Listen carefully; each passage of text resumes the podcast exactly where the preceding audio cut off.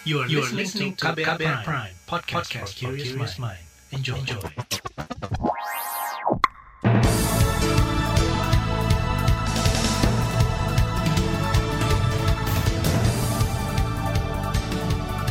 Selamat pagi saudara, senang sekali kami bisa menjumpai Anda kembali melalui program Buletin Pagi edisi Selasa 7 September 2021. Bersama saya, Naomi Liandra. Sejumlah informasi pilihan telah kami siapkan di antaranya, 17 tahun berlalu penuntasan kasus Munir masih buram. Pemerintah perpanjang PPKM Jawa Bali hingga 13 September. Gubernur Ganjar tunjuk pelaksana harian Bupati Banjar Negara. Dan inilah Buletin Pagi selengkapnya terbaru di Buletin Pagi. Meski sudah berlalu 17 tahun, kasus pembunuhan aktivis hak asasi manusia Munir Said Talib masih meninggalkan duka mendalam bagi keluarga. Munir dibunuh saat perjalanan dari Jakarta ke Belanda pada 7 September 2004. Putri Munir, Diva Sukilarasati mengaku hingga kini masih marah dengan kasus pembunuhan ayahnya. Saya boleh sedih, otomatis, tapi saya lebih marah kepada orang-orang yang merenggut ayah saya. Bahwasanya harusnya saya mendapatkan pengalaman perfect itu, tapi pada akhirnya diambil dan direnggut. Uh, menurut saya sosok Abah adalah orang yang sangat pemberani, yang sangat baik, sangat, sangat perfect menurutku. Harusnya manusia biasa itu tidak seperfect Abah. Orang yang mau mengorbankan nyawanya sendiri untuk uh, kebebasan berbicara orang lain dan uh, ke, memberikan edukasi hak-hak kepada yang harusnya orang lain ketahui dari awal. Sementara itu istri Munir Suciwati menyatakan momen 17 tahun kepergian Munir bisa dijadikan refleksi bagaimana mempertahankan demokrasi dan kebebasan berekspresi di Indonesia. Menurut Suci, Munir merupakan sosok sederhana yang setia mendampingi dan membela para korban pelanggaran HAM. Ia berharap perjuangan seperti yang dicita-citakan Munir bisa terus dilanjutkan. Komisi Nasional Hak Asasi Manusia Komnas HAM masih belum satu suara soal penetapan status pelanggaran HAM berat dalam kasus pembunuhan Munir. Anggota Komnas HAM Sandra Yati Moniaga mengatakan penyelidikan yang diamanatkan dalam Undang-Undang tentang Pengadilan HAM belum dilakukan karena masih ada pro kontra. Tapi untuk yang uh, HAM berat, uh, yang yang harus ada adalah keputusan bulat di level di tingkat paripurna yang sepakat bahwa memang ada dugaan pelanggaran HAM berat dan oleh karena itu Komnas menyepakati membentuk tim. Nah ini yang yang uh, kami masih uh, belum satu suara. Anggota Komnas HAM Sandrea Timoniaga mengatakan lembaganya terus mendorong Presiden Joko Widodo untuk menindaklanjuti penyelesaian kasus Munir. Pasalnya, masa kadaluarsa kasus aktivis HAM tersebut akan berakhir tahun depan. KUHP mengatur batas kadaluarsa selama 18 tahun bagi tindak pidana biasa yang ancamannya hukuman mati atau penjara seumur hidup. Padahal kasus pembunuhan Munir sudah memasuki tahun ke-17. Sebelumnya, sekitar 100 organisasi membuat surat terbuka yang ditujukan kepada Komnas HAM. Mereka mendesak Komnas HAM segera menetapkan kasus pembunuhan Munir sebagai pelanggaran HAM yang berat, sebagaimana diamanatkan Undang-Undang Pengadilan HAM. Komite Aksi Solidaritas untuk Munir atau KASUM meyakini kasus pembunuhan terhadap aktivis hak asasi manusia HAM Munir Said Talib merupakan bentuk pemufakatan jahat yang melibatkan unsur negara. Aktivis Kasum sekaligus Direktur Lembaga Bantuan Hukum LBH Jakarta, Arif Maulana mengatakan pembunuhan Munir merupakan bagian dari operasi intelijen untuk membungkam para aktivis HAM. Eh, kasus ini adalah kasus yang melibatkan unsur negara, ini konspirasi, permufakatan jahat, yang mana pelakunya bukan hanya pelaku lapangan, tetapi juga ada pelaku turut serta, kemudian ada perencana dan juga uh, pelaku intelektual. Oleh karenanya, kami sangat berharap Komnas HAM segera bekerja untuk menetapkan kasus ini sebagai kasus pelanggaran HAM berat. Karena kita khawatir dalil daluarsa akan digunakan oleh orang-orang yang berkepentingan untuk kemudian mendapatkan impunitas. Aktivis Kasum Arif Maulana menyayangkan kasus pembunuhan Munir sampai saat ini masih dianggap sebagai pembunuhan biasa. Padahal kata Arif, Badan Intelijen Negara BIN dan BUMN PT Garuda Indonesia terbukti menjadi bagian dari operasi pembunuhan tersebut. Saudara, kasus pembunuhan aktivis hak asasi manusia Munir Said Talib hingga kini masih belum terungkap meski peristiwanya terjadi 17 tahun silam. Sejumlah upaya untuk mengungkap dalam pembunuhan tersebut pernah dilakukan. Pada 2004, Presiden Susilo Bambang Yudhoyono membentuk tim pencari fakta atau TPF kasus meninggalnya Munir. Laporan tim laporan tim pencari fakta diserahkan ke Presiden SBY pada 2005 di Istana Negara. Namun hingga kini dokumen lengkap itu tidak pernah dibuka ke publik. Sejak saat itu, keberadaan dokumen laporan kerja tim pencari fakta kasus Munir Raib tidak jelas. Sekretariat Negara di masa Presiden Joko Widodo mengklaim tidak memiliki dokumen itu. KBR sudah berupaya menghubungi Istana Presiden dan sejumlah pihak untuk meminta konfirmasi terkait penuntasan kasus Munir. Namun hingga berita ini ditulis, tidak ada yang bersedia memberikan keterangan. Saudara, perkembangan pengusutan kasus kekerasan terhadap jemaat Ahmadiyah di Sintang, Kalimantan Barat akan kami hadirkan sesaat lagi. Tetaplah di Buletin Pagi KBR. You're listening to KBR Pride, podcast for curious mind. Enjoy!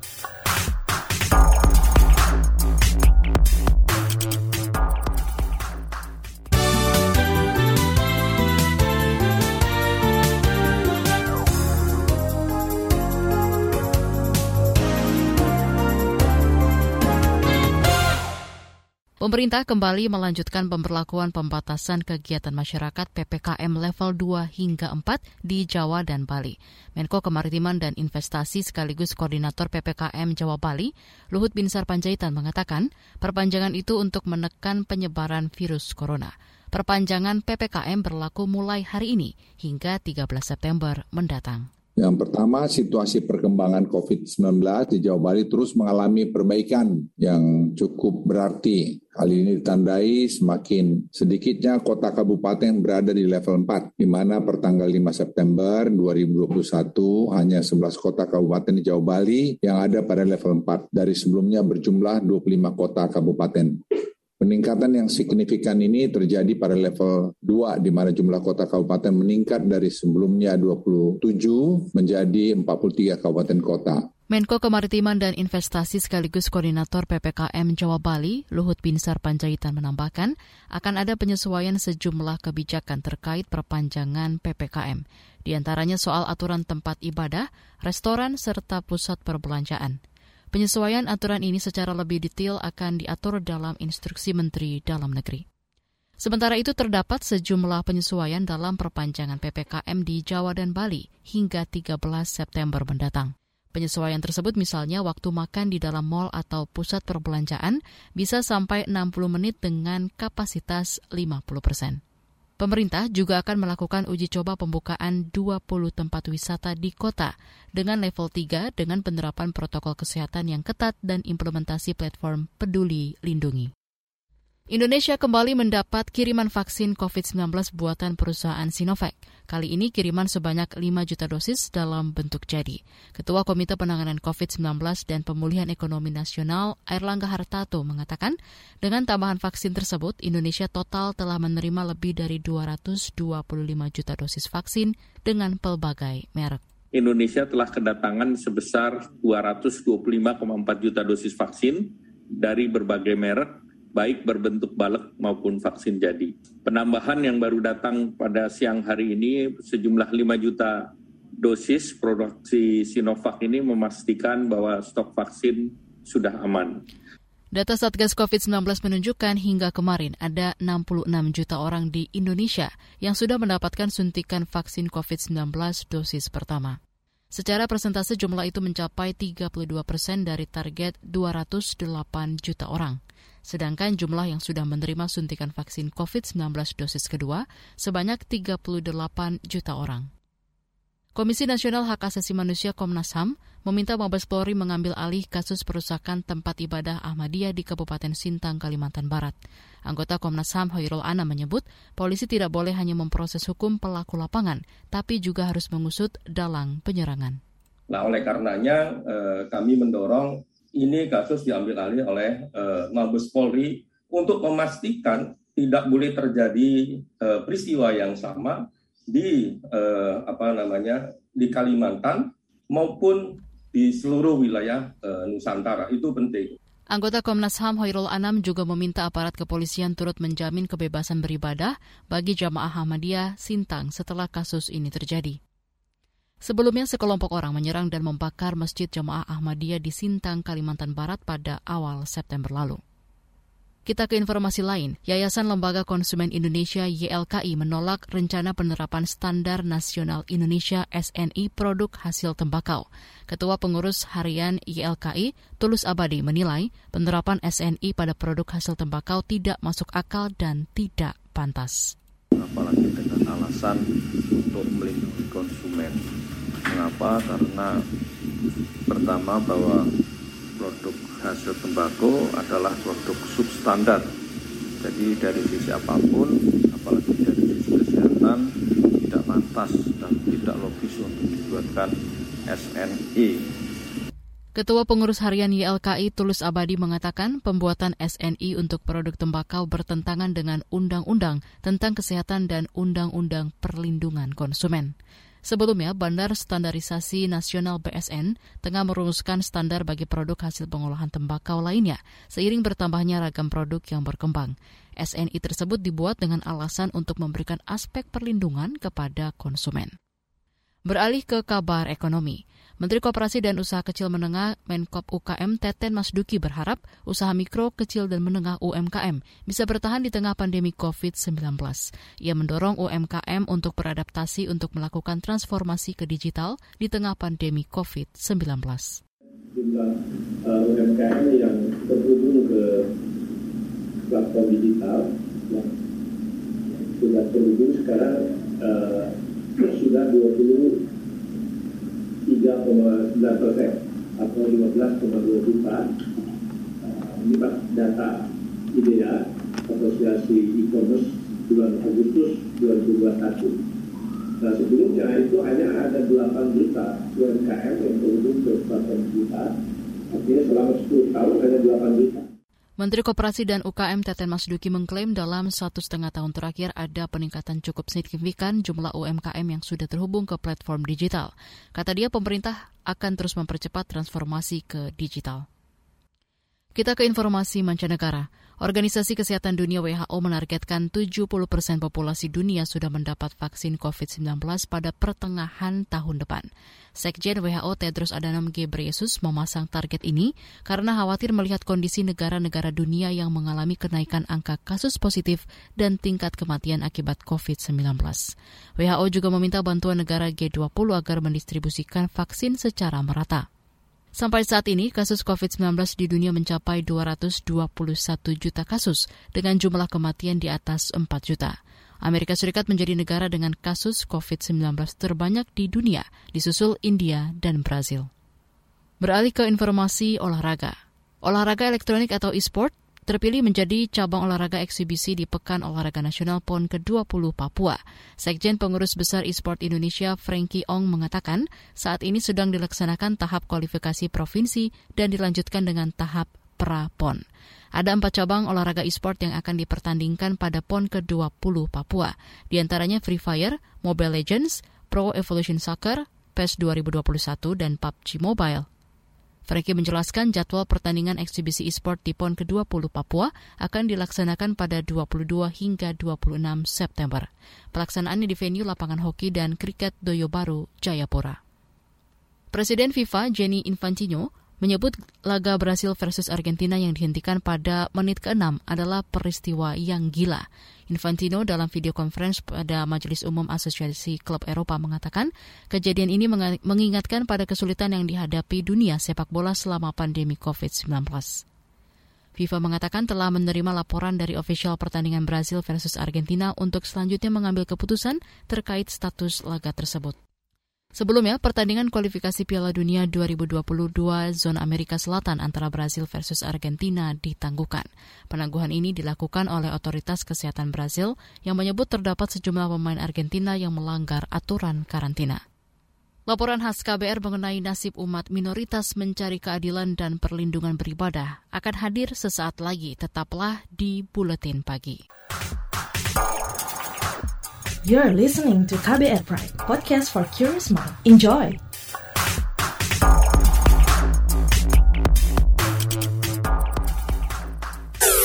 Commercial break.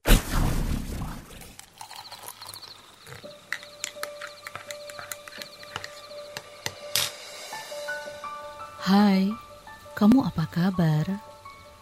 masih suka menikmati senja dan kopi. Aku masih ingat kebiasaan kita.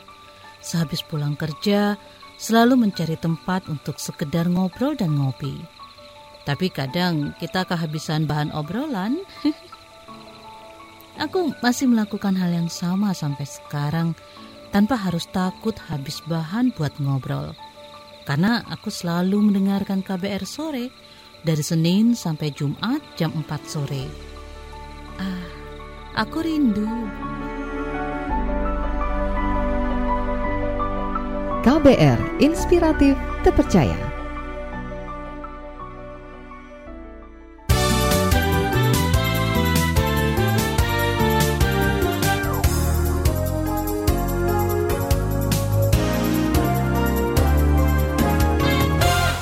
Anda masih bersama kami di Buletin Pagi KBR.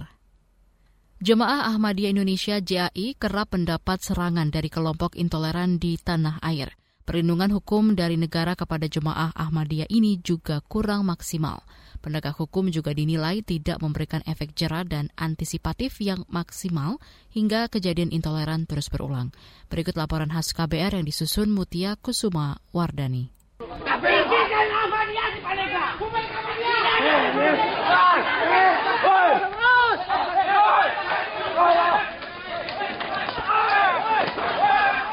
Peristiwa tadi merupakan penyerangan sekelompok massa yang berakhir dengan terenggutnya tiga nyawa jemaah Ahmadiyah di Desa Umbulan, Kecamatan Cikesik, Pandeglang, Banten 10 tahun silam. Penyerangan di Februari 2011 itu tidak hanya mengakibatkan korban jiwa, tapi juga merusak rumah dan pembakaran mobil milik jemaah Ahmadiyah. Peristiwa intoleransi itu kemudian membawa 13 orang ke meja hijau. Namun, Semuanya difonis ringan, rata-rata hanya tiga hingga enam bulan penjara. Fonis tersebut dianggap banyak pihak masih sangat ringan untuk sebuah penyerangan intoleran yang berakibat korban jiwa. Fonis bahkan lebih ringan dari tuntutan jaksa yang menuntut pelaku intoleran tujuh bulan pidana penjara. Menimbang bahwa fakta-fakta yang terungkap bahwa terdakwa Saat Bahrudin telah memukul korban Marsono korban Roni Pasaroni yang telah tergeletak di dekat pagar diselokan dengan sepotong kayu dan juga melempar Roni Pasaroni dengan batu bata. Menimbang bahwa terdakwa melakukan pelemparan pemukulan terhadap korban adalah setelah masa terlebih dahulu melakukannya, sehingga hati terdakwa tergerak ikut pula melakukannya, sehingga terdakwa mengambil pula kayu bekas pemukul orang lain. Menimbang bahwa terdakwa berangkat ke TKP dengan tidak janjian dengan teman-teman terdakwa dari pondok pesantren. Menimbang bahwa ada pun tujuan terdakwa ke Cikesik adalah untuk menyaksikan dialog antar kaum muslimin dengan jemaah Ahmadiyah. Tak hanya di Banten, penyerangan terhadap jemaah Ahmadiyah juga terjadi di Lombok Timur, Nusa Tenggara Barat. 2018 lalu, jemaah Ahmadiyah Lombok Timur diserang berhari-hari oleh sekelompok massa. Peristiwa itu mengakibatkan 8 rumah rusak, 4 sepeda motor hancur, serta sebanyak 24 orang harus dievakuasi ke kantor Polres Lombok Timur. Teranyar, penyerangan terhadap sekelompok jemaah Ahmadiyah kembali terjadi di Desa Balai Harapan, Kecamatan Tempunak, Sintang, Kalimantan Barat.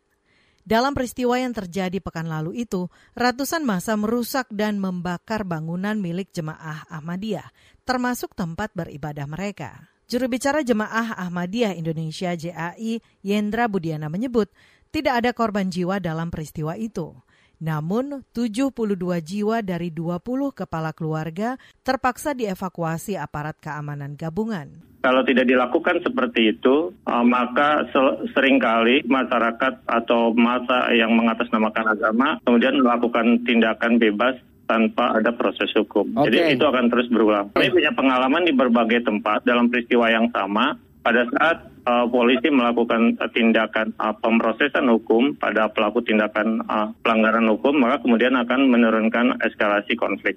Juru bicara Jemaah Ahmadiyah Indonesia, Yendra menambahkan, JAI meminta agar kepolisian menjamin keselamatan warga Ahmadiyah dan masyarakat di Desa Balai Harapan, baik keamanan fisik, mental, dan juga properti milik jemaah. Yendra berharap cara-cara yang menyebarkan ajaran kebencian dan kekerasan di internet untuk diproses hukum sesuai aturan yang berlaku.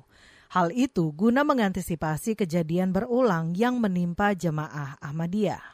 Senada dengan Yendra, Ketua Bidang Advokasi Yayasan Lembaga Bantuan Hukum Indonesia YLBHI Muhammad Isnur berpendapat pola penyerangan di Sintang Kalimantan Barat itu sama dengan kejadian penyerangan sebelumnya. Ada pola prakondisi, yakni stigma terhadap jemaah Ahmadiyah melalui spanduk hingga media sosial yang dilanjutkan dengan mengumpulkan massa, lalu berdalih penyerangan itu sesuai dengan surat keputusan bersama SKB tentang Ahmadiyah. Saya kira Kementerian Dalam Negeri memang berada dalam posisi tidak boleh tidak dia harus mengambil peran yang besar gitu ya. Yang kedua dalam konteks mikro di Sintang tentu tanggal 3 September itu bukan sesuatu yang uh, ujuk-ujuk. Dia resultante dari kegagalan pemerintah kabupaten untuk memastikan uh, tidak ada diskriminasi terhadap seluruh warga negara termasuk komunitas Ahmadiyah di sana. Pasal 29 ayat 2 tegas mengatakan bahwa negara menjamin kemerdekaan tiap-tiap penduduk untuk memeluk agama dan beribadah menurut agama dan kepercayaan masing-masing.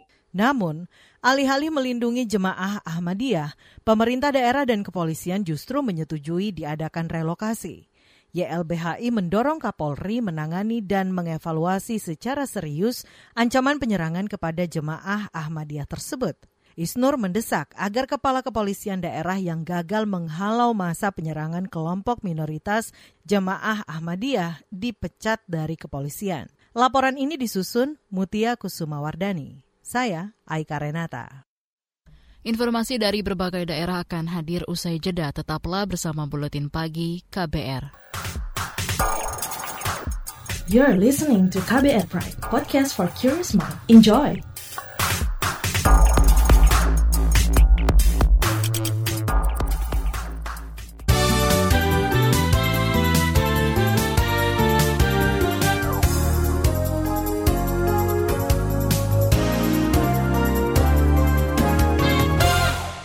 Inilah bagian akhir buletin pagi KBR. Kita ke Jawa Tengah. Gubernur Jawa Tengah Ganjar Pranowo menunjuk Wakil Bupati Banjarnegara Syamsuddin sebagai pelaksana harian PLH Bupati Banjarnegara. Penunjukan ini dilakukan agar pelayanan dan roda pemerintahan di Banjarnegara tak terganggu usai Bupati Banjarnegara Budi Sarwono ditetapkan sebagai tersangka korupsi dan ditahan KPK. Ganjar mengatakan momentum ini juga bisa menjadi kesempatan untuk reformasi pemerintahan yang bersih dan akuntabel.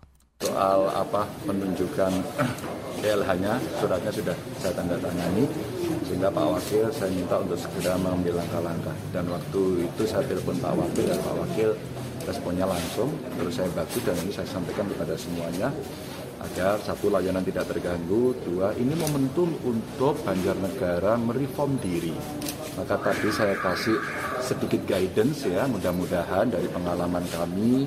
Gubernur Jawa Tengah Ganjar Pranowo menambahkan tanpa perubahan dari dalam reformasi tata kelola pemerintahan yang baik akan sulit dicapai. Ia mendorong agar pemerintah Kabupaten Banjarnegara menerapkan politik anggaran yang transparan dan akuntabel dengan sistem digital. Bupati Banjarnegara Budi Sarwono ditetapkan sebagai tersangka korupsi oleh KPK dan ditahan pada Jumat lalu.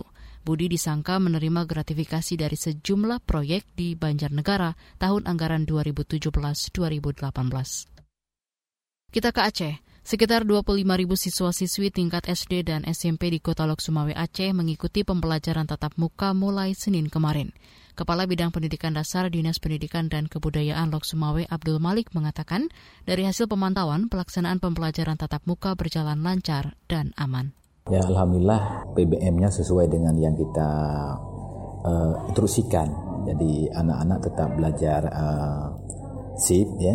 Uh, kemudian tetap mengikuti protokol kesehatan dengan memakai masker. Tadi pun saya sempat juga ke kelas, beberapa kelas emang uh, semua siswa memakai masker. Kepala Bidang Pendidikan Dasar di Dinas Pendidikan Kota Lok Sumawe Abdul Malik menambahkan, pemerintah daerah berencana memvaksinasi seluruh siswa-siswi yang berusia 12 tahun ke atas. Sebelumnya, pada pekan lalu, pemerintah Kota Lok Sumawe menghentikan pembelajaran tatap muka di sekolah karena wilayah Lok Sumawe masuk status PPKM level 4. Informasi tadi menutup jumpa kita di Buletin Pagi hari ini. Pantau juga informasi terbaru melalui kabar baru, situs kbr.id, Twitter kami di akun @beritaKBR, serta podcast di alamat kbrprime.id. Akhirnya saya Naomi bersama tim yang bertugas undur diri. Salam.